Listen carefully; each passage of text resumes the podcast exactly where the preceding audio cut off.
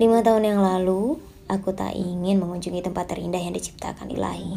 Karena menurutku pemandangan terindah adalah ketika kamu meniru mimik wajah komika favoritmu, ketika kamu menceritakan tentang impianmu untuk hidup bersamaku dengan mata yang sangat-sangat berbinar.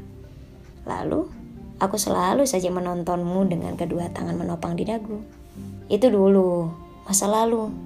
Tak lama dari akhir hubungan kita, Ku dengar dari seorang kawan kamu meminang juniormu di bangku sekolah. laki, laki.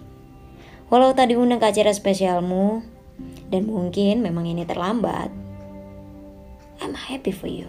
So, selamat atas pernikahanmu dan kelahiran sang buah hati. Doaku dari lubuk hati yang paling dalam, semoga anakmu tumbuh menjadi perempuan yang kuat, tegar, serta dijauhkan dari pria yang sering menebar janji-janji manis busuk seperti bapaknya dulu.